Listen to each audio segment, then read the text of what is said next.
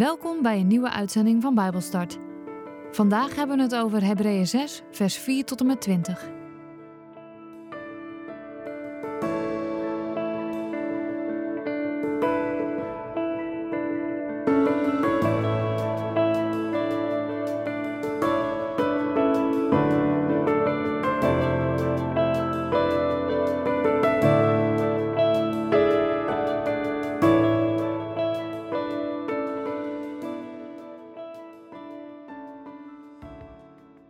Ik lees met jullie uit de basisbijbel Hebreeën 6 vanaf vers 4 tot het einde.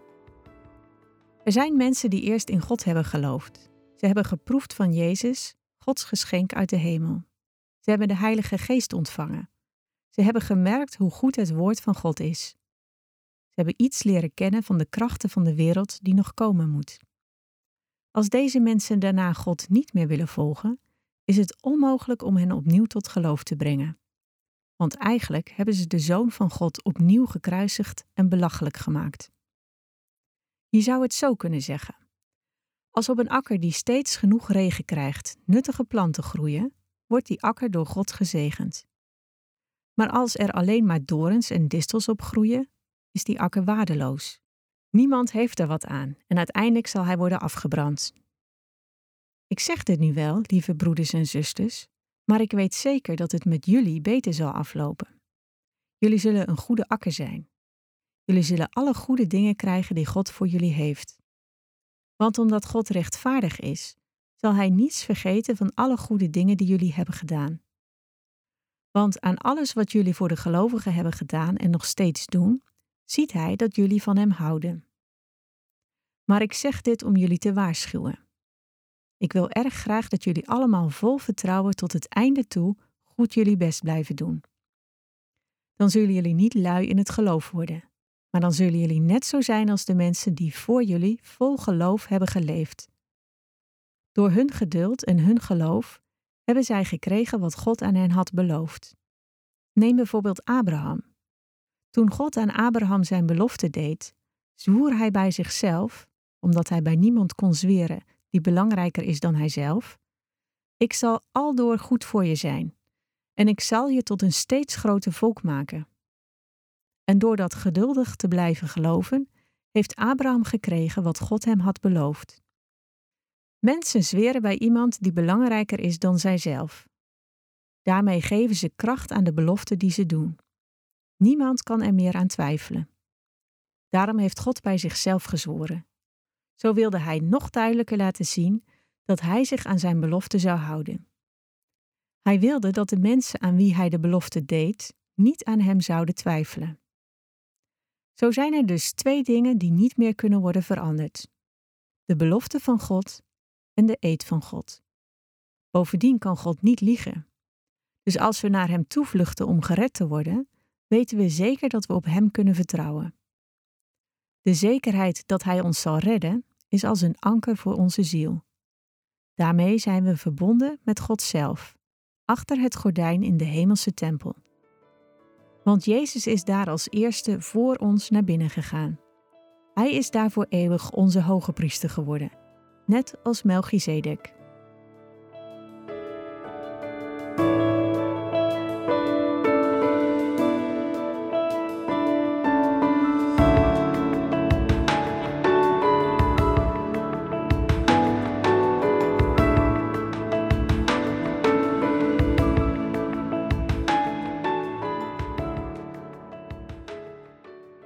In dit onderdeel van hoofdstuk 6 gaat het over een waarschuwing tegen ongeloof. Het gaat niet zozeer om mensen die niet eerder in God geloofden en dat nu nog niet doen, maar het gaat om mensen die eerder wel in God geloofden en dat nu niet meer doen. Herken je dat? Ken jij mensen in de omgeving die eerder altijd naar de kerk gingen, die vroeger altijd over God vertelden, of zelfs dominee zijn geweest, maar nu niet meer? Ik vind dat altijd wel een bijzondere ontwikkeling en ik vraag me dan af, wat is er dan gebeurd in hun leven? Ik ken helaas genoeg mensen die zeggen niet meer in God te geloven. Ik ken ook mensen die zeggen dat God niet bestaat, dat ze boos zijn op God. En dat laatste vind ik altijd een leuke start van een gesprek, want boos zijn op een God waar je niet in gelooft. Ja, dat gaat er bij mij niet in. dan ben ik altijd heel erg benieuwd naar, maar waarom ben je dan boos? Wat is er gebeurd tussen jou en God? De eerste drie versen hebben we in het vorige hoofdstuk behandeld en daarom starten we vandaag in vers 4. En in vers 4 en 5 worden twee soorten van ongeloof beschreven. Een heiden die het christendom onderzoekt en die niet gelooft, of een christen die het christelijk geloof de rug toekeert. En ik vind het woord heiden altijd een beetje zwaar klinken, maar iemand die dus niet gelooft in de God van het christendom. Dat is eigenlijk de definitie die ik er nu even aan wil geven. Als in de eerste eeuw een heiden het christendom ging onderzoeken en dan uiteindelijk toch weer terugkeerde naar het heidendom, dan nam hij afstand tot de gemeente, de gemeente van het christendom waar hij eventjes bij verbleven had. Maar als een Joodse gelovige het christendom ging onderzoeken, dan kon hij uiteindelijk terugkeren naar het Jodendom of het Judaïsme, ook wel genoemd. Een breuk was niet echt voor de hand liggend. De levensstijl bleef redelijk onveranderd. Uiterlijk gezien dan. Maar geestelijk gezien had het wel een groot gevolg. Want ze keren zich dan doelbewust van Jezus af. Ze keren zich dus dan ook af van de vergeving. En het bewust afwijzen maakt hen ongelovigen, hoe goed ze zich dan ook gedragen. Die eerste twee versen die begrijpen we waarschijnlijk wel. Maar dan vers 6. Als deze mensen daarna God niet meer willen volgen, is het onmogelijk om hen opnieuw tot geloof te brengen. Want eigenlijk hebben ze de Zoon van God opnieuw gekruisigd en belachelijk gemaakt. En dit vers is misschien wat moeilijker te begrijpen. Waar gaat het nu precies over? De ene vertaling wijst op de mensen die geloven en zich afkeren van verlossing. De andere vertaling wijst op mensen die niet geloven, er vlakbij zijn, maar het toch afwijzen. Er staat dat mensen die zich afkeren nooit opnieuw kunnen geloven. Ik ken genoeg mensen die gelukkig na een moment van dwalen toch weer teruggekomen zijn bij God en het geloof. Dus moeten we die woorden dan heel letterlijk nemen? Misschien moeten we meer letten ook op de woorden die erna komen, want eigenlijk hebben ze de Zoon van God opnieuw gekruisigd en belachelijk gemaakt. Jezus is één keer gekruisigd, niet twee keer of drie keer. Maar los van het kruis is er geen weg naar redding en verlossing. En ik denk dat we dat punt dus in gedachten moeten houden. Zij hebben Jezus eigenlijk opnieuw gekruisigd. Maar dat kan helemaal niet, want Jezus is één keer gestorven. Eén keer voor jou, voor mij, voor iedereen. En dan lezen we in vers 7 en 8 een vergelijking van christenen versus akkerbouw. Nou kom ik uit een boerendorpje en ik heb vroeger zelfs een 10 gehaald voor de opdracht. Ik ben er trots op dat ik, en toen had ik ingevuld, een klein beetje boer ben. En dan moest ik dan verantwoorden en, en reflecteren op mijn vriendengroep en over mezelf. Van, ja, maar waar zie je dat dan aan? En uh, blijkbaar was dat goed, want ik had een 10. Maar ik ben niet een echte boerin. Ik kom niet van de boerderij. Mijn ouders beide wel. En mijn opa en oma dus ook allemaal. Maar ook in mijn omgeving, vroeger vooral, had ik heel veel vrienden die wel op een boerderij woonden. En eigenlijk iedereen heeft nog wel ietsjes affiniteit met het boerenleven. De meeste opa's en oma's van mijn vrienden hebben wel een boerderij gehad. Nu weet ik niet per se heel erg veel over de agrarische sector, maar dankzij de politiek kom ik er steeds meer achter hoe dat dan helemaal zit. En hier wordt dus akkerbouw en christenen worden vergeleken met elkaar. En er speelt op dit moment veel in Nederland, ook over de akkerbouw en over de boeren.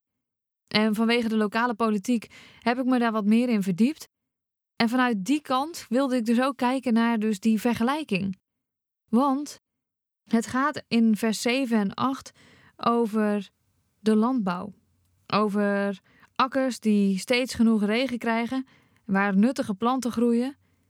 En dan zie je dat die akker dus door God gezegend wordt. Maar als er alleen maar dorens en distels op groeien, dan is de akker waardeloos. En niemand heeft er wat aan. En uiteindelijk zal hij worden afgebrand. En dat vond ik een interessante, want ik weet niet of je een klein beetje bekend bent met akkerbouw en met grond. Maar vruchtbaarheid van een grond, dat kan op verschillende manieren.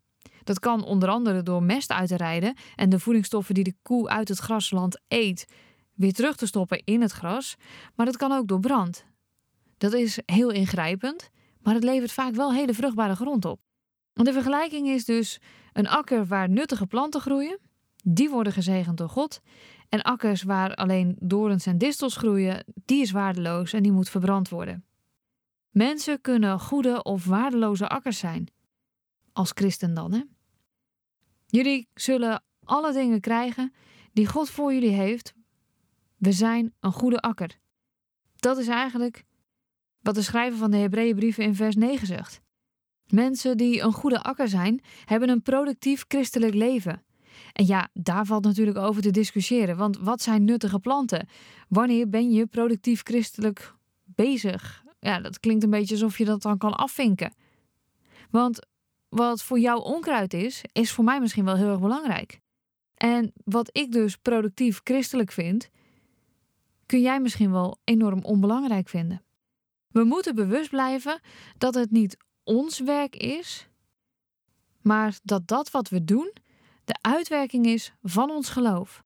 En welk effect heeft jouw geloof in jouw leven en welk effect heeft dat in jouw omgeving? Merkt jouw omgeving dat jij christelijk bent? En dan spring ik even naar vers 12. Dan zullen jullie niet lui in het geloof worden, maar dan zullen jullie net zo zijn als de mensen die voor jullie vol geloof hebben geleefd. Door hun geduld en hun geloof hebben zij gekregen wat God aan hen beloofd had. En dan gaat hij het hebben over Abraham. Maar net zo als de mensen die voor jullie vol geloof geleefd hebben. Door hun geduld en geloof hebben zij gekregen wat God aan hen beloofd had. Hebben ze dat dan zelf verdiend? Door hun geduld en hun geloof? Nee, maar die hoop die doet wel leven. En dat is niet voor niets een bekende uitspraak, hè? Hoop doet leven. Door die hoop ben je gemotiveerd om door te gaan. Door die hoop zul je bereid zijn om geduld te hebben en vast te houden in het geloof. En dan dat vergelijk met Abraham, vers 13 tot en met 15. God gaf Abraham een belofte. En door die belofte heeft Abraham stand gehouden. Dat staat er. En oké, nu moeten we natuurlijk niet doen alsof er niets aan de hand was en dat Abraham geen fouten gemaakt heeft. God zette zijn plan, ondanks de fouten van Abraham, gewoon door. Adam wachtte relatief geduldig. Ja, hij heeft zelf geprobeerd in te grijpen in bijvoorbeeld het krijgen van het kind.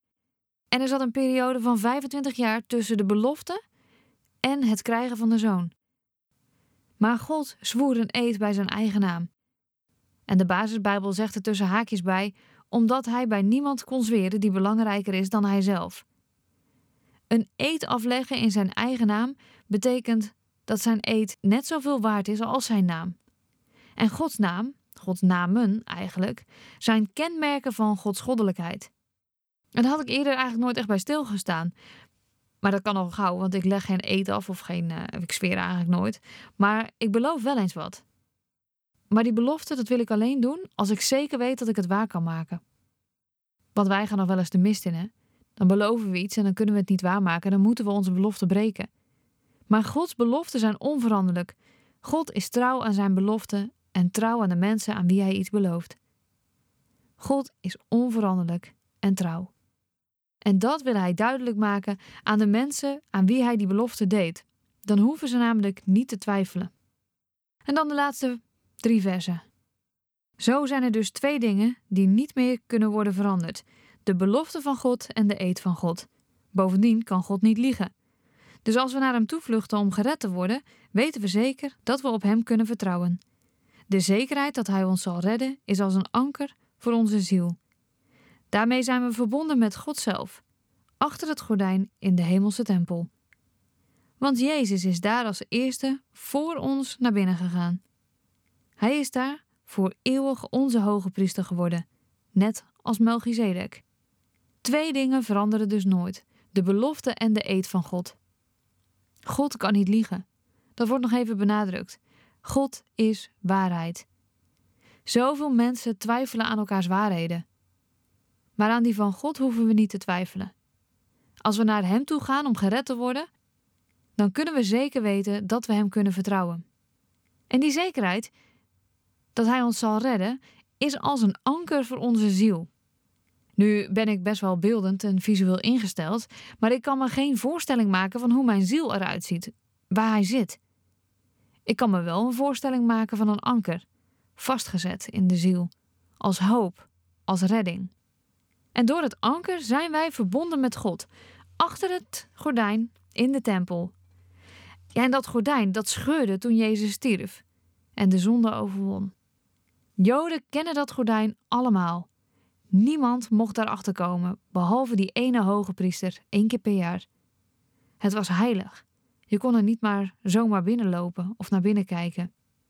Maar door Jezus was het kleed gescheurd. En wat nu? Ik vraag me echt af wat er daarna gebeurd is in die tijd. Zou men er een nieuw gordijn hebben opgehangen of heeft men het gescheurd gelaten? Dit was nieuw voor deze mensen. Het gordijn was gescheurd. En Jezus die komt niet één keer bij God, zoals de hoge priesters, één keer per jaar. Maar Jezus gaat voortdurend naar God. Hij is altijd bij God en hij pleit voor ons. En daardoor is God nu toegankelijk voor iedereen. Ook voor jou.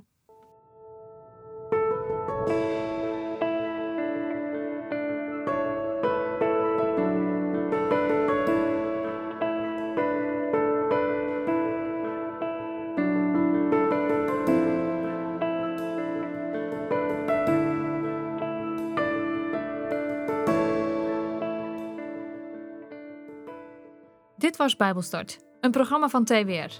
Het is gebaseerd op het Amerikaanse programma Through the Bible, ook wel TTB genoemd. En deze uitzending is een samenvatting van twee afleveringen. Wil je meer weten? Ga dan naar ttb.org of ga naar twr.nl/bijbelstart.